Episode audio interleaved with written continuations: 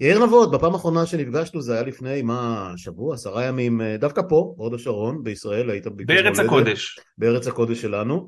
אה, מאז חזרת לחורף, אה, נטשת את הקיץ הישראלי וחזרת לחורף ההולנדי, וכבר עברו כמה שבועות טובים מאז השיחה האחרונה שלנו, אז קודם כל נתחיל בעדכון.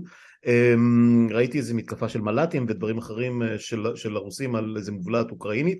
אמ, בוא תן לי ככה במשפט אחד איפה הדברים עומדים ככה לקראת סוף החורף וכניסה לאביב. טוב, זה בתור אה, ממש על קצה המזלג. הדברים אה, עומדים אה, במצב שבו האוקראינים מתכוננים, ממשיכים להתכונן למתקפת האביב, הרוסים מצידם ממשיכים להקיז את דמם שלהם במתקפות חוזרות ונשנות על אזור העיר בחמות, הם אמנם מצליחים להתקדם, מתקרבים לשליטה על העיר כולה, עדיין לא, אבל בדרך, אבל המחיר שהם משלמים כבד מאוד, ויהיו לזה השלכות אה, אה, בהמשך. בסדר, אנחנו באמת נתעדכן על תמונת המצב, כי נדמה לי שפעם אחרונה שדיברנו, הזכרנו את זה שזה המצב היה יחסית סטטי, זאת אומרת עם הטרדות, עם עקיצות, עם התקפות מל"טים, התקפות טילים, פגיעה באמצעי אנרגיה למיניהם, אבל אנחנו ממש אה, מתקרבים מהר מאוד לאביב שבו הכל, הכל דיברנו על זה שהוא מחכה לאביב ושהמתקפות או המגננות או הכיבושים או הפשיטות אה, מחכות לדבר הזה. אז נדבר גם על הדברים האלה, נדבר גם על אה, אירועים שמתרחשים לא רחוק משם, בגיאורגיה, טיביליסי, שוב לא רחוק במונחים של מזרח אסיה זה זה לא בדיוק שאנחנו, זה לא, זה לא כפר סבא הוד השרון, אבל עדיין. אה, וגם קצת עלינו, אה, עליך, על איך היה, איך היה ביקור בארץ וכן הלאה. אז זהו, אנחנו בפודקאסט שלי על הדרך, שיחות עם טובי פולק, האורח שלי אורח חוזר וקבוע ומאוד פופולרי, יאיר נבות, אה, האיש שמחזיק אותנו בתמונה לגבי המלחמה אוקראינה-רוסיה ובכלל מה שקורה באירופה ולפעמים גם קצת על שאר העולם. זהו, נשמע את קטע הפתיחה של Silent Regression ונחזור לשיחה עם יאיר נבות עוד שנייה.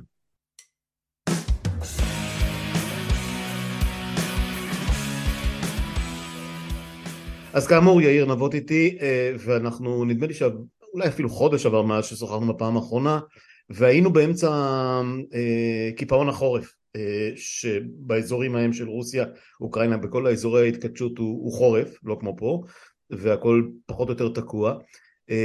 אז התזוזות של ממש, אני נדמה לי שלא היו אבל אנחנו כבר ממש מפשירים כולנו, גם הם וככה במשפט הפתיחה שלך אמרת אה, כמה דברים על אה, הקזות דם.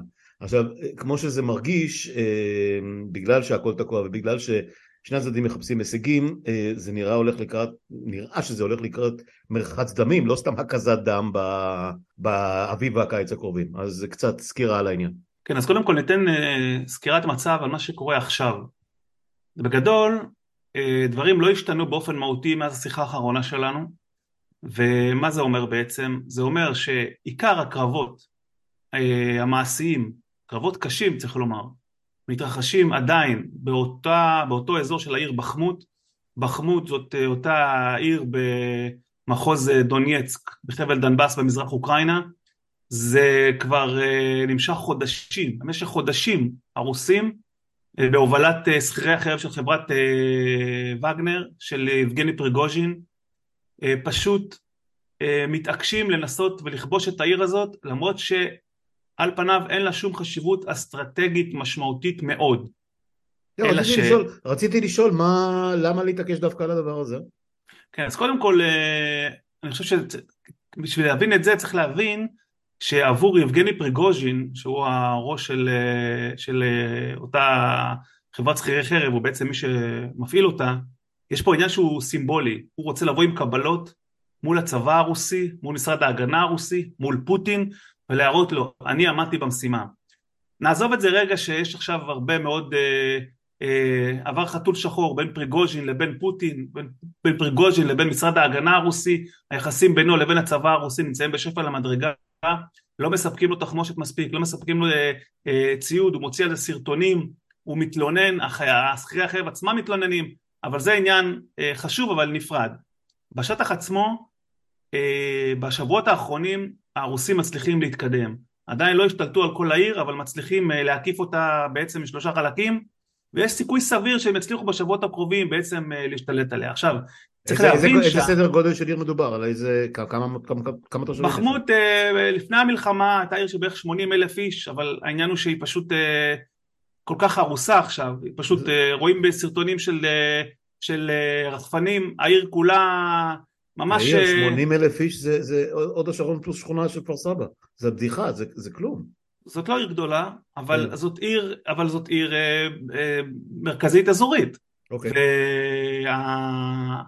והעניין הוא שהמחיר שהרוסים משלמים, כולל שכירי החרב של וגנר וגם בחודשים האחרונים הצבא הרוסי שהצטרף אליהם, פשוט מחיר מטורף באבדות, אה, מאבדים המון המון אה, חיילים ושכירי חרב ולמרות זאת לא מוותרים. עכשיו זה חשוב בגלל שהאוקראינים מצידם, גם חשוב להבין, אה, מצליחים מצד אחד להגן על העיר לאורך זמן ארוך מאוד, גם הם סופגים אבדות, צריך לומר, אבדות לא קלות, אבל את מירב הכוח שלהם, האוקראינים, את כוחות המילואים שלהם, הם לא מכניסים לקרבות האלה, הם שומרים אותם אה, בעורף אה, כדי להכין אותם אה, למתקפת האביב. עכשיו, במקביל לזה, ואלה תהליכים מאוד מאוד חשובים, במקביל לזה הצבא האוקראיני ממשיך לקלוט כל הזמן היקפי ציוד אדירים ששולח המערב, בראשות כמובן הברית, רק בחודש, אה, אה, היקפי הסיוע שאוקראינה מקבלת הברית אה, להיקפים של אה, עד עכשיו יותר מ-30 מיליארד דולר, אה, וכל הזמן מכריזים על חבילות סיוע חדשות. המערכות האלה, כולל אותם, טנקי לאופרד שהגיעו, מגיעים בעצם מאירופה, אבל אה, גם מערכות אחרות, בעצם בזמן הנוכחי מגיעים אה, לאוקראינה והאוקראינים אה, קולטים אותם ומכינים אותם לכניסה לקרבות. ויחד לצד זה יש לא מעט אלפי חיילים אוקראינים שמתאמנים בגרמניה, הם מאומנים על ידי צבא ארצות הברית והם מאומנים בין השאר בהפעלת אה, נקרא לזה אה, כוחות משולבים אה, ברמת חטיבה ומעלה, זאת אומרת לא סתם לזרוק לקרב גדוד על ג'יפים ולקוות לטוב, אלא ממש מתקפה, איך מבצעים מתקפה סדורה, מתואמת בין חיל האוויר לכוחות הקרקע והשריון לארטילריה, זה מה שהם לומדים. כשמשלבים את היכולת הזאת יחד עם הציוד שהאוקראינים קולטים כעת, אז ההנחה היא שאם הם ידעו להפעיל את הציוד הזה ואת מה שהם למדו בסביבות אולי חודש מאי, אולי יוני, אז אה, אה, יש סיכוי סביר טוב מאוד שהם אה, יצליחו במשימה שלהם, אה, גם משום שהצבא הרוסי, וזו נקודה חשובה, הצבא הרוסי מותש, אין לו, אתה יודע, אנחנו דיברנו בשבועות האחרונים, בחודשים האחרונים כל הזמן, על כך שהרוסים מכינים גם כן מתקפה לחורף. מהמם. העניין הוא שהרוסים כל כך מותשים שהמתקפה החלה כבר מזמן, כבר לפני שבועות, אבל בגלל שהם כל כך מותשים ויש להם בעיה גדולה מאוד בכוח אדם, אה, זה לא מרגיש כמו מתקפה. הם כן, אה, זהו, לא לא, לא מצליחים, זוכר דיווחים אה, יוצאי. דופן על הישגים רוסים. לא, הם לא מצליחים לייצר את אותה, צריך גם להבין שהחזית היא מאוד ארוכה. מדובר על חזית של 1,000-1,500 קילומטר. כדי לייצר הישג צבאי משמעותי של התקפי וחדירה לשטח וכיבוש שלו, צריכה להיות מסה, צריכה להיות מסה של כלים ומסה של אה, כוח אדם. אין צריך- לרוסים צריך- את היכולת צריך- הזאת. כן, צריך, בשביל, בשביל הישג צבאי, דיברנו על זה, זה, זה, זה טקטיקה וזה כמובן חלק מאסטרטגיה, צריך לרכז אה, אה, כוחות וציוד ו, ו, ו, ואמצעים אה, בשטח קטן יחסית בשביל ליצור את האפקט הזה, כי אם אתה מפזר את הכוח, לא חשוב איזה, איזה גודל יש לך, על פני אלפי קילומטרים, בדיוק. זה טיפה בים. בדיוק, ומהבחינה הזאת הרוסים נמצאים במצוקה, ועל המצוקה הזו בדיוק האוקראינים והמתכננים האסטרטגיים של האוקראינים, יחד עם אה, עמיתיהם מהמערב, על זה בדיוק הם בונים, כדי להמחיש עד כמה קשה המצוקה הרוסית, אפשר אה, להזכיר שאנחנו יודעים על משלוחים שמגיעים מאיראן לרוסיה דרך הים הכספי, אה, האיראנים מביאים או מייצאים לרוסיה דרך הים הכספי מכולות עם ציוד, בין השאר לאחרונה הם העבירו לרוסיה אה, מיליון אה, קליעים, פגזים, זאת אומרת הצורך, הבעיה הרוסית אה, היא אמיתית, בעיה של מחסור בציוד, בעיה במחסור של אה, ארטילריה, של תחמושת, וזה בא לידי ביטוי אה, אה, בשטח, ועל זה האוקראינים בין השאר אה, בונים. כשאנחנו מחברים את כל התמונה הזאת אה, אה, ביחד, אנחנו מגיעים למסקנה שהרוסים למעשה חוץ מאזור בחמות עסוקים כרגע בעיקר, בעיקר במגננה ובביצור אה, ובהגנה על אותם אזורים, שאר האזורים שהם סיפחו וכבר אה, כבשו אה, עד עכשיו במחוזות חרסון, זפוריז'ה וכמובן במזרח אוקראינה. וזה מוביל אותנו ל... ל... בעצם לשלב הבא שהוא צפוי להתרחש כמעט בוודאות בשבועות או בתוך החודשיים הקרובים. כן, אתה אמרת קודם ש... כל המצב הזה מביא, אה, מבשר או, או, או מעיד על זה שהאוקראינים יהיה להם את הכוחות ואת, ה, ואת האמצעים ואת המוטיבציה ואת התשישות של הצד השני בשביל להגיע להישגים שהם מצפים להגיע אליהם. עכשיו אם אני זוכר מלפני כמה חודשים דיברנו על זה שזלנסקי אה, כמעט באופן גלוי ובוטה הכריז שהוא הולך אה, לשחרר את חצי האי קרים. האם זאת עדיין האג'נדה, או שיש להם כרגע תוכניות אחרות, אה, אה, הישגים אחרים שהם שמו על השולחן להשיג באביב קיץ הקרוב? מבחינה הצהרתית פומבית, אה, הנשיא זלנסקי, כמובן אפשר להבין את זה, מצהיר שהוא רוצה לשוב לקווי פברואר 2014, דהיינו לפני שרוסיה כבשה וסיפחה את חצי האי קרים, מבחינה הצהרתית מנהיגותית אפשר לגמרי להבין את ההצהרה הזאת, אבל מבחינה מעשית כדי להגיע לשלב הזה שהצבא האוקראיני באמת יהווה, יהיה לו איום משמעותי על חצי האי קרים, אוקראינה תהיה חייבת כמובן להגיע להישגים אחרים אה, שחייבים להיות כדי שיוכלו בכלל לאיים על חצי האי קרים. ולכן אנחנו מדברים על, אה, על בשלב ראשון על אה, מתקפה אוקראינית צפויה שאמורה להתרכז בעצם ככל הנראה באזור המחוז אה, זפוריג'ה, שזה מזרחית לחרסון, אה, והאזור הזה הוא אה, בעצם, אם האוקראינים יצליחו להבקיע שם את קווי ההגנה והביצורים של הרוסים, הם בעצם ישאפו לפרוץ את קווי ההגנה האלה, לנוע במהירות דרומה, שהמטרה היא להגיע לחופו הצפוני של ים אזוב בעצם, ועל ידי כך, א', לנתק את המסדרון היבשתי של רוסיה לחצי האי קרים, המשמעות של זה היא כמובן פגיעה קשה ביכולת הלוגיסטית של רוסיה לתמוך באותם כוחות שנמצאים מערבית לאזור הזה, אבל לא פחות חשוב גם להגיע לאפשרות לאיים על חצי האי קרים אה, עם היכולת הארטילרית והטילית שיש בידי אוקראינה ובאמצעות מערכות נוספות שהן יקבלו אה, אני מניח בחודשים הקרובים. ואני חושב שלזה אנחנו צריכים לצפות. אה, כרגע אני חושב שעוד מוקדם לדבר על חצי האי קרים כאופציה אה, ריאלית לעת עתה, היכולת של האוקראינים אה, לאיים על חצי האי קרים בעצם אה, תהיה תלויה בהצלחת המהלך ההתקפי הבא שלהם, שעוד פעם אמור לצאת בתוך להערכתי בין שמונה לשנים עשר שבועות, ואז אנחנו נהיה יותר חכמים. אבל כן חשוב להבין שהאוקראינים בונים את היכולת הזאת, והם בונים יכולת משמעותית, הם קולטים את הטנקים האלה, הם כבר כרגע קולטים מאות כלי רקם, נגמשים מערביים שסיפקו להם גרמניה, צרפת וארצות הברית, אה, כלים טובים, כלים איכותיים, אלה דברים שבהחלט יכולים לעשות הבדל.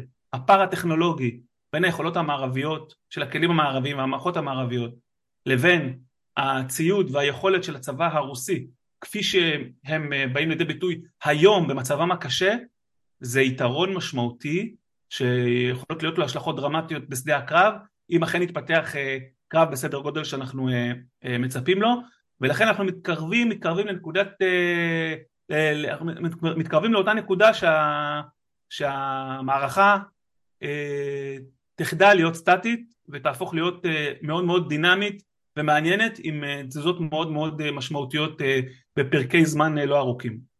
כן. אז, עוד אז דבר אנחנו... שחשוב, כן סליחה, לא, עוד דבר שחשוב לומר זה שלצד כל מה שתיארנו פה כמובן מדי פעם, פעם בשבועיים שלושה, אנחנו שוב רואים שוב ושוב את אותם תקיפות טילים רוסיות, המתקפה האחרונה הזאת אה, אה, אה, התרחשה אתמול, הרוסים שיגרו 84 טילים מסוגים שונים ועוד שמונה מל"טים מתאבדים מתוצרת איראן לעבר עשרות מטרות בכל רחבי אוקראינה, מהמזרח עד המערב, אנחנו יודעים על 11 הרוגים ונזק קשה שנגרם לתשתיות אנרגיה. שוב, התקיפה התמקדה בתשתיות אנרגיה, אבל הטילים הללו פגעו גם בבנייני מגורים, למשל בלביב במערב אוקראינה חמישה הרוגים ולצד זה גם נמשכות צריך לומר הרבה מאוד הפגזות על העיר חרסון שכן הרוסים שולטים על, הרי על הגדה. יורים על אזור חרסון מעבר לנהר הדניפר בעזרת ארטילריה וגורמים לאבדות שם ולפציעות ולעיר שמאוד קשה לה לתפקד, גם את זה צריך לומר. אז זאת תמונת המצב כרגע בגדול, מבחינה צבאית מערכתית. אני חושב שאנחנו חייבים גם לציין לצורך העניין הזה את העובדה שבגדול הנשיא פוטין לא מצליח להשיג את מה שהוא רוצה. זאת אומרת, המתקפה הרוסית החלה כבר, היא לא מצליחה להתקדם, היא מתמקדת באזור בחמות, הכוחות מותשים, ומהבחינה הזאת פוטין חייב לנסות ולהשיג, להציג סוג של הישג, והוא מתקשה לעשות את זה. הוא עשה שינויים בצבא, אנחנו זוכרים, הוא העביר את הפיקוד על הכוחות הרוסים באוקראינה ישירות תחת פיקודו של הרמטכ"ל הרוסי גרסימוב, במקום אותו גנרל סורווויקין, סירוביקין, ואם זה מצליח או לא, קשה לדעת. מה שברור הוא שיש לא מעט מאבקי כוחות מאוד מאוד גדולים בממסד הרוסי לגבי המלחמה. אנחנו רואים את אותו יבגני פריגוז'ין שעומד בראש כוח וגנר והיה מאוד קרוב לפוטין, כרגע למעשה מנותק ממנו. דלתות הקרמלין וערוצי התקשורת שלו לפוטין לפי מה שאנחנו יודעים מאוד הוגבלו אם לא נסגרו לחלוטין וכרגע פוטין כמו מאסטר של הפרד ומשול קלאסי פשוט משסה את מוקדי הכוח אלה באלה. כולם כמובן רוצים את קרבתו ואת אוזנו. וצריך לראות איך זה כמובן ישפיע על המערכה. כן, מבחינת הציוד דיברנו בזמנו על זה שארצות הברית תאפשר דרך הכוחות בגרמניה אני מניח או בפולין גם לחיל האוויר האוקראיני להתאמן ולקבל לידיו מטוסי F-16 איפה זה עומד? שמעת משהו על זה? לא, כרגע זה לא עומד על הפרק בכלל הדבר היחיד שלגבי מטוסי קרב שעומד על הפרק זה אולי לספק לאוקראינה מטוסי קרב מתוצרת רוסית או סובייטית שנמצאים בידי חילות אוויר אחרים למשל מיג 29 שנמצא למשל בידי חיל האוויר הסלובקי או חיל האוויר הפולני שהיו לו או חילות אוויר אחרים. למיטב ידיעתי התרחיש של מטוסי קרב מתוצרת מערבית לידי אוקראינה הוא עדיין לא על השולחן. וגם אני חושב שחשוב להבין ש דין מטוס קרב איננו כדין נגמ"ש. לא, לא, ודאי, זה, זה הרבה יותר מורכב. זה לתפעל אותם ולהטיס אותם צריך כוחות קרקע, צריך תחזוקה, צריך חימום. ידע, ידע שאין אותו שם. לא, לא, פשוט דיברנו על זה ומישהו, נדמה לי באחד מה... מסרטוני יוטיוב שהעלינו כתב שיש טייסים שכבר מתאמנים על F-16 בארצות הברית או במקומות אחרים או בגרמניה, לא משנה. אני אמרתי, זאת אומרת כבר אז בתחושה שזה נשמע לי קצת מרחיק לכת אבל כנראה שזה המצב באמת. אוקיי, אז אנחנו צריכים להסתכל על ולעקוב אחרי מה שקורה פחות או יותר אחרי, אחרי שפחות או יותר ניכנס חזק לאביב, זאת אומרת אחרי הפסחא כזה מאמצע אפריל לכיוון כן. מאי, כן. משהו בסגנון. בסדר, קצת רעש אצל השכנים, מה קורה בגיאורגיה? מה הסיפור בכל המהומות האלה בטיביליסי? כן, סיפור מאוד מעניין בגיאורגיה, שכמובן אני עוקב אחרי גיאורגיה כמובן לא מהיום, וגיאורגיה היא בכלל סיפור, קודם כל מדינה מדהימה, עם עם יוצא מן הכלל, ו... והסיפור בגיאורגיה הוא כזה, בגיאורגיה מושלת היום בעצם ממשלה שאפשר להגדיר אותה מקורבת לרוסיה, לא פרו-רוסית, זה לא בלרוס, אבל ממשלה שבהחלט אפשר להגיד אותה מקורבת לרוסיה. בשבוע האחרון הממשלה הזאת ניסתה להעביר חקיקה, וזה גם קצת דומה לישראל אגב, ואחרי זה יש פה דמיון כן, מעניין, זהו, זה, זה מאוד מעניין. מעניין. כן. הממשלה ניסתה לקדם חוק שנקרא חוק הסוכנים הזרים. החוק הזה אומר שכל ישות משפטית, גוף תקשורתי או ארגון שמקבל יותר מ-20% מהמימון שלו מגופים זרים, מדינות זרות או גופים זרים מחוץ לגיאורגיה, יהיה חייב להיכנס לרשימה מדינתית שתוכן על ידי ככל נראה משרד הפנים ומשרד המשפטים ואותם ארגונים או גופים שייכנסו לרשימה הזאת יוטלו עליהן מגבלות מאוד מאוד קשות גם פיננסיות וגם אחרות מה שבעצם אמור מאוד מאוד להקשות על פעילותם נגיד את זה ככה mm-hmm.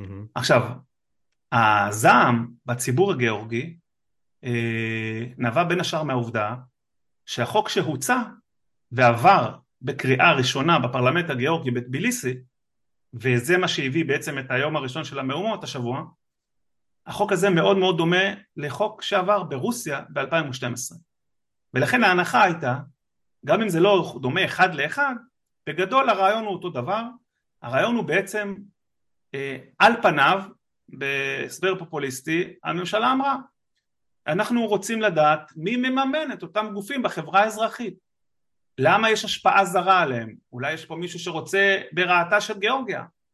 אה, אנחנו מכירים את הדיון הזה ממקומות אחרים. מכירים את זה. אה, וכמובן גם מרוסיה.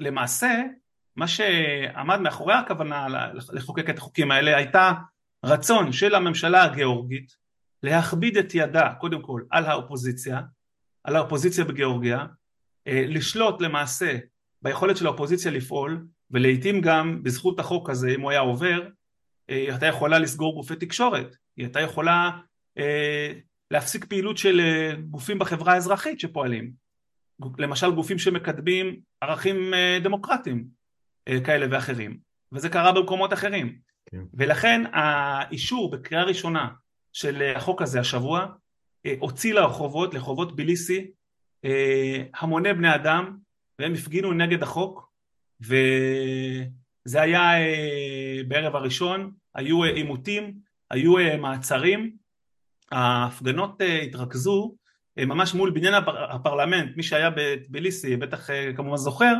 זה בשדרות המרכזיות נקרא שדרות רוסטוואלי, שדרות מאוד מאוד יפות אגב, ושם עומד בניין הפרלמנט וההפגנות התרחשו שם. אחרי ערב ראשון של הפגנות ובשבעה במרס השבוע ואחרי יום שני של הפגנות, ערב שני של הפגנות סוערות, כולל, אה, כולל עימותים אלימים עם שוטרים שהשתמשו בזרנוקי מים, יש סרטונים ותמונות מאוד מאוד אה, אייקוניות מההפגנות האלה של מפגינים שאוחזים בדגל האיחוד האירופי וגיאורגיה ביחד והזרנוק אה, מים המשטרתי פשוט uh, כמעט מעיף אותם, הם אוחזים אחד בשני, הדגלים, uh, ממש כן. תמונות אייקוניות. כן, כן, ראיתי, גם... זה מאוד מאוד הזכיר את uh, מה שהיה בבלפור לפני שנתיים, uh, עם אותם... עם התמונה uh, עם הדגל. תמונה עם כן, הדגל, וזה... וה, כן, uh, ש... ש... בן אדם אחד עומד מול... נכון. מול הש... במקרה של... במקרה הגיאורגי, זאת הייתה אישה שהחזיקה בדגל האיחוד האירופי, וכל פעם שהזרנוק המשטרתי בעוצמה פגע בה, הגיעו ישר מפגינים אחרים וסייעו לה להיעמד ולאחוז בדגל. זה גם מזכיר קצת את מה שקצת, את מה שהתרחש באוקראינה בסוף 2013 אה, בעצם אה, אה, אותו, אותו, אותן, אותם אירועים במיידן, כיכר מיידן, כיכר העצמאות בקייב, אבל כדי to make a long story short, ההפגנות האלה ביום השני היו כל כך משמעותיות והציבור הגיאורגי התחיל להפגין גם בערים אחרות חוץ מטביליסי והעניין הזה התחיל להתפשט כתוצאה מזה אתמול בבוקר ממשלת גיאורגיה אה, הודיעה שהיא מושכת לחלוטין את החוק ומתכוונת אה, אה, לעצור את זה והיום בבוקר בפרלמנט בטביליסי הייתה הצבעה ובקריאה שנייה לחוק הזה ובקולות הממשלה החוק הזה נפל. עכשיו אני חושב שמאוד מאוד חשוב למאזינים להבין את מערכת היחסים המורכבת שיש בין גיאורגיה לבין רוסיה. ההשפעה הרוסית על גיאורגיה היא מאוד משמעותית ב- ביום נתון, ב- ב- בכלל, גם מבחינה גיאוגרפית אה, ו- וגם כמובן זכר לתקופת ברית המועצות, אבל כשאנחנו מדברים על היום חשוב כמובן להזכיר את המלחמה ב-2008 המלחמה ב-2008 בין גיאורגיה לבין רוסיה אותה מלחמה שאז בראש גיאורגיה עמד אה, אה, סאקשווילי, אותו אה, מנהיג, ש, ראש ממשלה, ש, סליחה, הנשיא סאקשווילי, שהוביל את גיאורגיה בתחילת שנות האלפיים, אחרי מהפכת הורדים של 2003, הוביל אותה לתקופה של שגשוג דמוקרטיזציה, נלחם בשחיתות, עשה דברים באמת מדהימים בפרק זמן קצר. ב-2008 אנחנו זוכרים את אותה, אותו עימות צבאי עם הרוסים, מלחמה של ממש, המלחמה הזאת הסתיימה... אפילו, אפילו היה, כמה עיתונאים ישראלים נקלעו לאש הצולבת וחלקם נפצעו אפילו. אם אני לא טועה, אני זוכר שאור הלר היה שם. צדוק יחזקאלי, נחום ברנע היו שם. נכון, נכון, נכון, וגם אור הלר היה שם כמדומני, אני זוכר אותו סקר. אבל התוצאה של המלחמה הזאת מבחינת גיאורגיה היא מאוד מאוד כואבת. גיאורגיה בעצם איבדה, איבדה בפועל שני חבלים בצפון המדינה, את דרום אוסטיה ואת אבחזיה, שהם בעצם הכריזו על עצמאותן וניתוקן מגיאורגיה וזכו כמובן לתמיכה רוסית, אלה חבלי ארץ שגיאורגיה איבדה בגלל המלחמה הזאת. הסנטימנט ברחוב הגיאורגי אחרי המלחמה היה כמובן מאוד מאוד קשה, מאוד מאוד שלילי נגד רוסיה.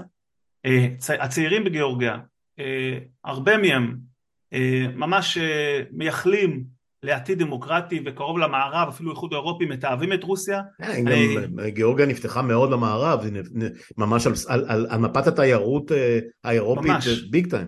לא רק, לא רק זה, גם, באותה תקופה של שגשוג, במחצית הראשונה של שנות האלפיים, או מ-2000 בעצם, מ-2005 עד 2010, בתקופתו של סקשווילי כנשיא, המדינה שגשגה, נפתחה להשקעות, הון עתק הושקע בגיאורגיה, והייתה תחושה שגיאורגיה הולכת uh, ממש uh, להיות אה, סוג של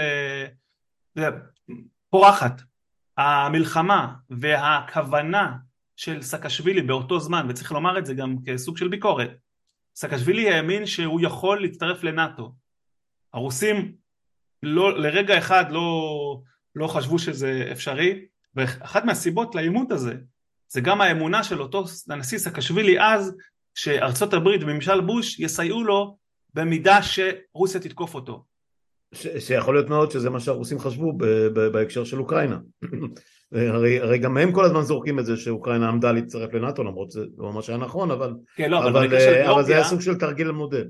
כן אבל במקרה של גיאורגיה היה לה הפחד הרוסי על מה להתבסס כי הגיאורגים בעצמם הצהירו על זה כן. באופן מאוד מאוד מלא אבל המלחמה לא רק כמובן הרסה את יחסי רוסיה עם גיאורגיה אלא גם, גם כמובן היו לא מעט הרוגים ופצועים ונזק גדול אני זוכר את הכבישים המופצצים, את ה... כן. ממש, זה, זה תמונות שמאוד, מאוד, ממש נחרטו, אני זוכר שהיה לנו מישהו שעבד פה, בזה, שהוא, שהוא בא משם, אז הוא, אז הוא אמר, כולם שם יש רכב על ארבע על ארבע, אם אתה לא עם הארבע על ארבע, אין סיכוי שתעבור, תעבור כן. מטר קדימה, זאת אומרת, כי זו מדינה הררית, כן, גיאורגיה. כן, וגם הכל, בכל המכתשים בכבישים, סיפור. נכון, ואחת התוצאות של המלחמה הזאת, וגם כתבתי על זה, אני הייתי בגיאורגיה לפני שלוש או ארבע שנים, בטביליסי, בעוד מקומות, טיילנו, ויצא לי ככה לדבר עם צעירים גיאורגים שם.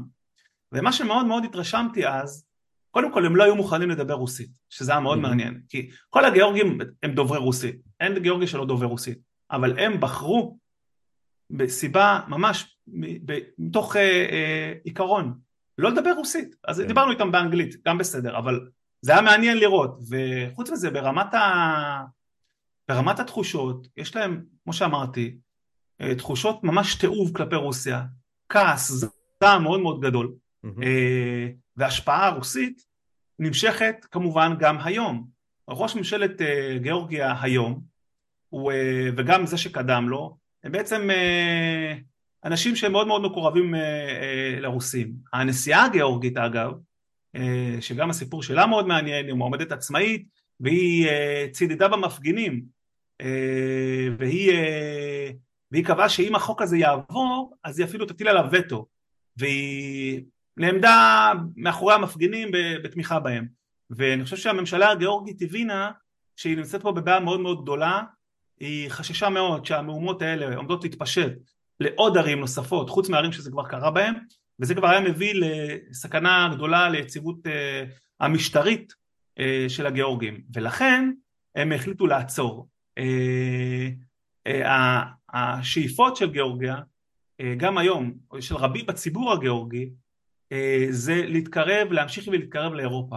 וחוק כזה, אם הוא היה עובר, זאת הייתה מכת מוות לשאיפות האלה, משום שהאיחוד האירופי וחברי המשלחת האיחוד האירופי לגיאורגיה, הם אמרו את זה באופן מפורש.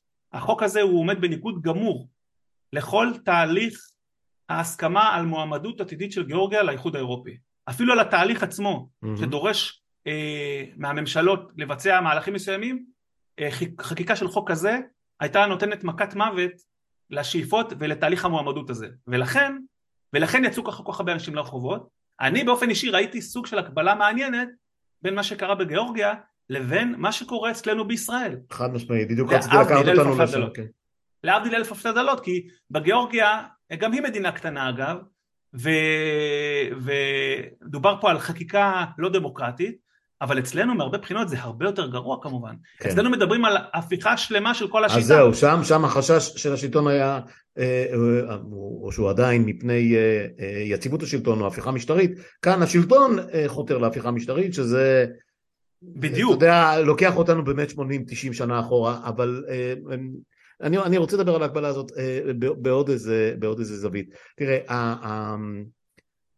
רוב הדוגמאות שאתה מביא פה, אם זה אוקראינה ופולין וכמובן אה, עכשיו גיאורגיה, שרוסיה עצמה, אין מה לדבר, ועוד מקומות מהסוג הזה, אה, אין להם מסורת דמוקרטית. זאת אומרת, הן מדינות ש, ש, או שהיו קיסרויות לפני הרבה מאוד שנים, נכון. או שהיו מדינות טוטליטריות מכל מיני סוגים, עם מלכים או עם, או עם רוזנים או מה שזה לא יהיה בימי הביניים או אחרי זה, אה, לפני המהפכה התעשייתית, ואחר כך ההשפעה הרוסית שהייתה סוג של בתקופת הצאר אה, אה, אזור השפעה ואחר כך ברית המועצות שזה ברית של מועצות אה, מקום מאוד מאוד טוטליטרי ונוקשה העצמאות שלהם והמסורת הדמוקרטית שלהם מאוד מאוד קצרה 20, 30, 40 שנה זה, זה, זה כמעט אפס זמן ביחס לה, להיסטוריה שלהם ועדיין הם שומרים, הם מנסים בכל הכוח לשמור על, על המעט הזה שהם טעמו ממנו כי הם הבינו שזה מה שהם רוצים. כמה זה יקר?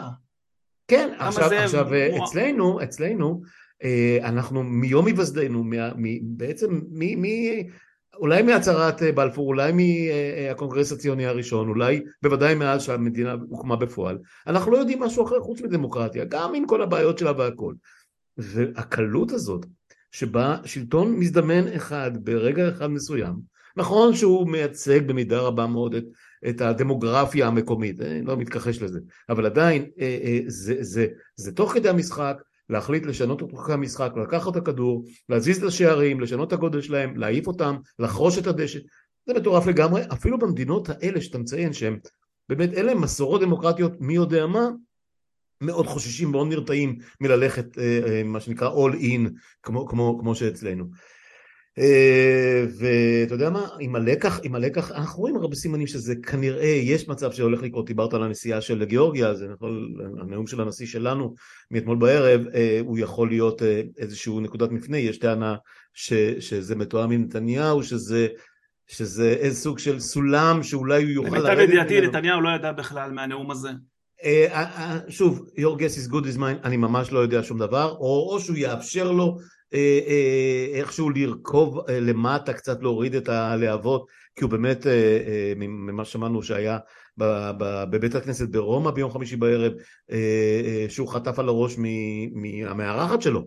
נשיאת הקהילות היהודיות באיטליה. כן, כאילו זה המקומות שבהם הוא התקבל בתשואות וב standing ovation מארצות הברית ועד, שלא איפה, עד טימבוקטו, זה, זה, זה דברים שלא היו מעולם. אמ, וקהל לא בא ומתקדשים בחוץ ורבים ואלה צועקים ככה ואלה צועקים ככה. כל הנסיעה הזאת מופרעת לגמרי כשפה יש מהומת אלוהים ופיגוע באמצע תל אביב ונשיא והדחה של אה, קצין משטרה בכיר שבסך הכל שומר על איפוק וניהול באמת מופתי של, של הפגנות הכי גדולות שהיו בתולדות המדינה. אה, אה, הוא יהיה חייב באיזשהו שלב ללמוד מעט מהלקח של האחרים. כן יכול, לא יכול, כבר דיון אחר לגמרי.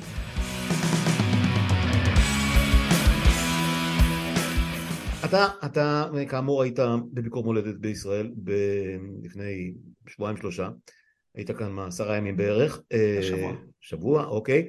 אמ, עכשיו, מעניין אותי תמיד לשמוע, דיברתי על זה גם עם ציפי שמילוביץ' בזמנו, אה, אנשים ש...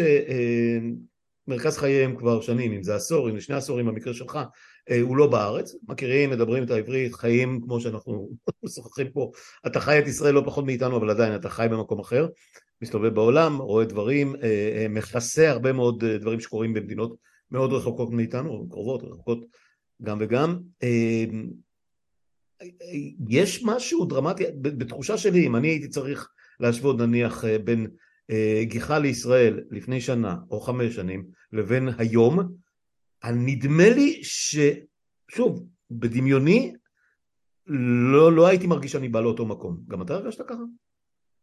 גם אני הרגשתי ככה. תראה, ברמה האישית כמובן אה, מאוד נהניתי מהארץ, גם היה מזג האוויר אה, מצוין, כן. אבל אה, אני הרגשתי איפה שלא הסתובבנו והסתובבנו ונסענו וטיילנו וראינו, אני חושב שאצל הרבה אנשים בארץ התחושה היא שבאמת יש תחושה של מועקה, יש תחושה של חוסר ודאות, יש חשש.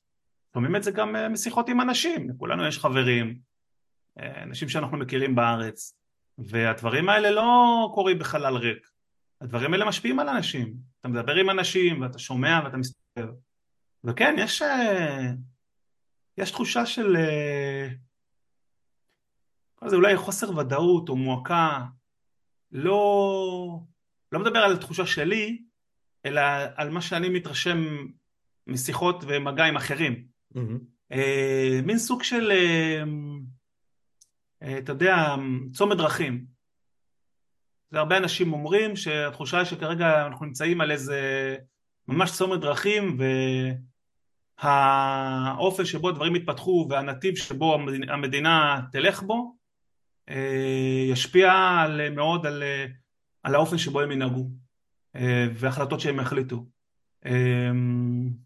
אני גם אני גם אשתף שכשהיינו בארץ אז אני גם אה, אה, הלכתי אה, והשתתפתי באחת ההפגנות בכפר סבא אה, בשבת אה, וראיתי ציבור, קודם כל התרשמתי מההיקף של האנשים והכמות של האנשים שבאו וגם אני חושב מה, מהמגוון שלהם, יש שם אנשים שונים, שם צעירים וראיתי שם מבוגרים וכולם כולם התנהגו למופת ו... לא ראיתי שום גילויי אלימות או, או דברים מהסוג הזה. וראיתי שאנשים אה, מאוד מאוד אכפת להם, זאת אומרת משהו, זה, זה בעירה כזאת שמוציאה אותם מהבית, אלה לא אנשים שהולכים להפגין בדרך כלל, זאת הייתה ההתרשמות שלי, כן. אלה אנשים שיוצאים מהבית כי הם באמת מרגישים שהאש שה, מלחכת את ה, כבר את, ה, את, ה, את, ה, את הווילונות Mm-hmm. צריך להציל את הבית וצריך לצאת ולומר אמירה ולהפגין. ולכן גם אני החלטתי ללכת ולשתף בהפגנה למרות שעל פניו אני יכול להבין אנשים שאומרים מה אתה בכלל לא גר פה, מה אתה מפגין, מה אתה בא להפגין, מה... על פניו אני יכול להבין את זה, אבל... לא, לא מה זה בא להפגין? אתה גם יכול ללכת ולראות איך זה נראה, כן, מה הקשר? כן, לא, לא, אבל יש לזה גם מטבע הצד שני, שכמו שאמרת קודם, אני חושב שלמרות שאני בחו"ל אני מאוד מחובר לישראל. עזוב, עזוב, אין, אין, אה, כל הסיפור הזה, הרי אנשים גם באים, אה, אנשים שחיים אה, במשך עשרות שנים בחו"ל, באים להצביע. באים להצביע, נכון. ואנחנו לא, לא נדבר על, ה, על ה, אתה יודע, הרכבות האוויריות של החרדים שמגיעים למשל? מברוקלין ומצביעים בהמוניהם, כנראה, ש, כנראה שכמות המצביעים, כמות, כמות הפתקים ש, שהם מביאים זה פי שניים או פי שלושה מכמות האנשים עצמם, אבל אתה יודע, על כל מצביע שני פתקים. לזה, בדיוק, אה, אין לי הוכחות לזה.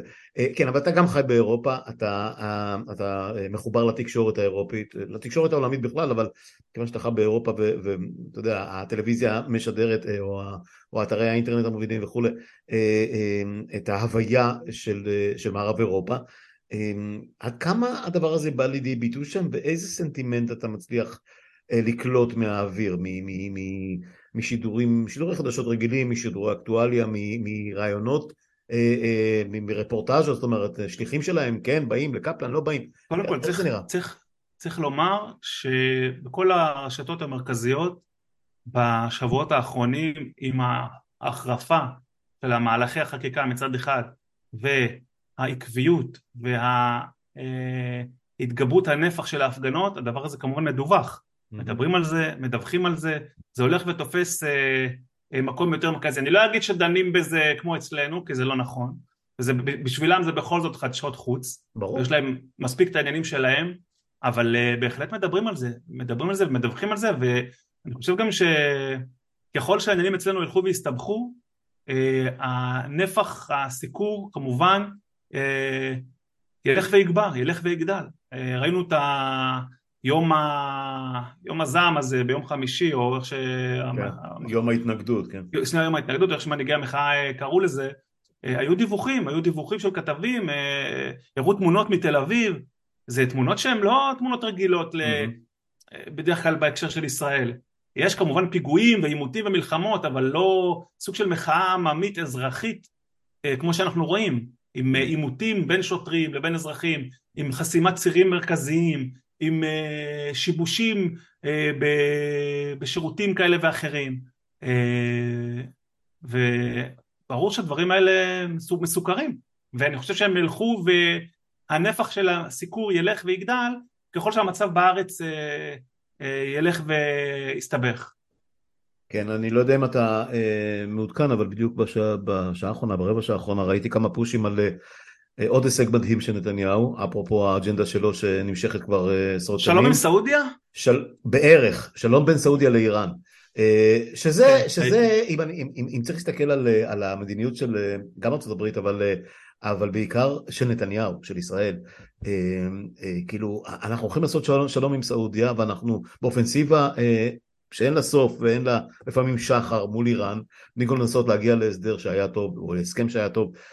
אז עכשיו, עכשיו זה לא רק שאתה לא מקבל את סעודיה, אתה מקבל את איראן בדלת האחורית עם הסכם ביטחוני, לא פחות. אה, מול אה, סעודיה, זה אחרי שאתמול אה, הסעודים העמידו כמה תנאים בכלל לאיזושהי התקרבות נוספת בין, בין ישראל לסעודיה. זאת אומרת, כשאנחנו מסתכלים על היחסים, אתה יודע, היום, היום מה שנקרא בציר הרוע, מדברים על רוסיה, מדברים על איראן, ומדברים על צפון קוריאה, ופתאום, אתה יודע, הטוויסט הזה בעלילה, שסעודיה, שהייתה תמיד איזשהו חלק איזשהו גוש, איזשהו ציר מערבי בגלל הנט וכולי, פתאום, פתאום נתניהו מתעורר וכל, אני, וכל המגדל שלו קורס. אני חושב שצריך להבין שהמהלך הזה של הסדרת היחסים, פתיחת שגרירויות, בעצם שלום בין סעודיה לאיראן, זו מכה לא רק לישראל, אלא גם סוג של יריקה של הסעודים בפניו של הנשיא ביידן. חד משמעית. זאת אומרת, אמרתי, ש... ארה"ב וישראל, כן. כן, ו- ומהבחינה הזאת זה גם אני חושב התפתחות שלילית אה, עבור ארה"ב, אבל אני חושב שגם חשוב בהקשר הזה אה, להבהיר שכל עוד יש ממשלה כמו שיש בישראל, עם שרים כמו סמוטריץ' ובן גביר, וצריך למחוק את חווארה ודברים מהסוג הזה, המחשבה שממשלה סעודית תחתום על שלום עם ישראל או הסכם כלשהו ברמה הזאת זה פשוט חלומות באספמיה. בגלל זה עכשיו הוא חוזר לא למאוריטניה ואני כבר לא זוכר וזה לא יקרה. כן, דרום סודאן, אני יודע מה. תשמע, אני מסתכל על, על ההתנהגות, שוב, לא ניכנס ל... אתה יודע, גם בכתיבה שלי במשך כל השנים וגם אה, הרבה מאוד שנים וגם בפודקאסט פה אה, אה, הדיונים של נתניהו פשוט מעיקים וחוזרים על עצמם כל כך אבל אתה יודע אנחנו מדברים הרבה על דברים שהם בילטרליים מולטילטרליים וכולי הסיפור הזה של, של איך ש, שכל התיאוריות שלו וכל התזות שלו מתפרקות לו בידיים, אתה יודע, זה, זה, זה כמעט אה, מעבר לכל דמיון. זה היה סוג של, אה, סוג של פנטזיה, והאופן שבו מתנהלת אה, הממשלה הנוכחית, ועם הסכנה שקיימת להסלמה גם בזירה הפלסטינית, אנחנו קרובים לרמדאן, אנחנו מתקרבים לנקודות מאוד מאוד אה, בעייתיות מבחינת, לא, מבחינת לוח השנה ואנחנו ראינו את הפיגוע אתמול בתל אביב. אני רק מקווה שאנחנו לא עומדים לפני איזשהו אה, אתה יודע איזושהי התפרצות אה, אלימה רחבה יותר ושתסבך אותנו מאוד. ואז כל הדיבורים האלה על ואז גם מה שהשגנו עד היום עלול לעמוד בסכנה במציאות כזאת כן, כן, אה, כנראה שזה הולך לשם. אה, מכל השיחות שאני עושה, מכל, מכל היכולת שלנו לקרוא את ה... אתה יודע, לעקוב אחרי החדשות, לקרוא את הנתונים המאוד בסיסיים, אנחנו לא אנשי מודיעין במובן הזה, אבל אה, זה לא יכול ללכת לשום מקום אחר.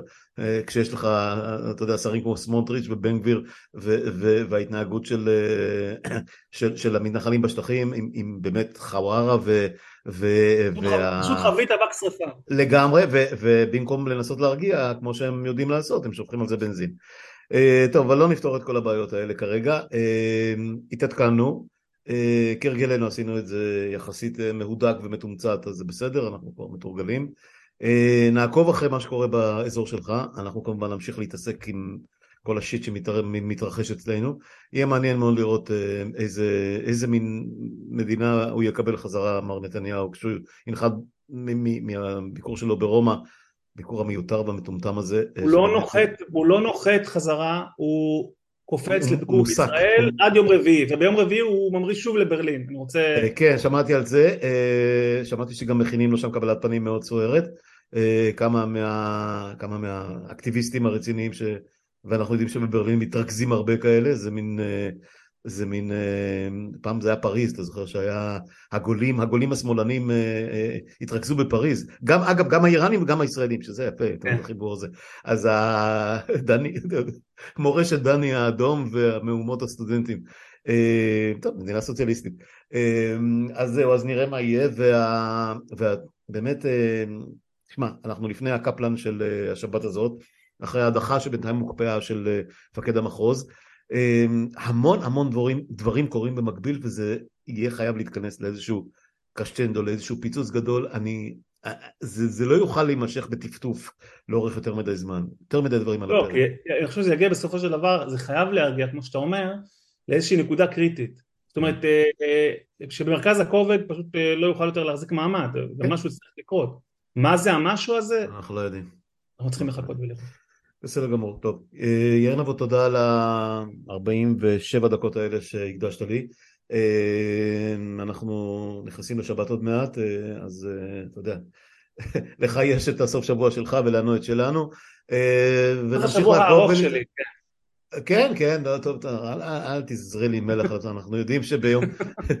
אל תזרה לי מלח על השבת. ישראל, ישראלים שרגילים לדבר המצומצם הזה של שישי בשתיים בצהריים עד מוצאי שבת בשש בערב, שהכל פתאום מתחיל לבעור ולבעבע מחדש. אני אף פעם לא שוכח את ה... עד כמה, עד כמה קצר סוף השבוע בישראל זה עוזר לי מאוד להעריך את סוף השבוע פה. אז תחשוב על זה שאני אה, אה, התחלתי את השירות הצבאי שלי בכמה חודשים טובים שבהם השבת הקצרה שלי התחילה ביום אה, חופשות פעם בשלושה או ארבעה שבועות התחילה בחופשות מחצרים מקורס טיס ב...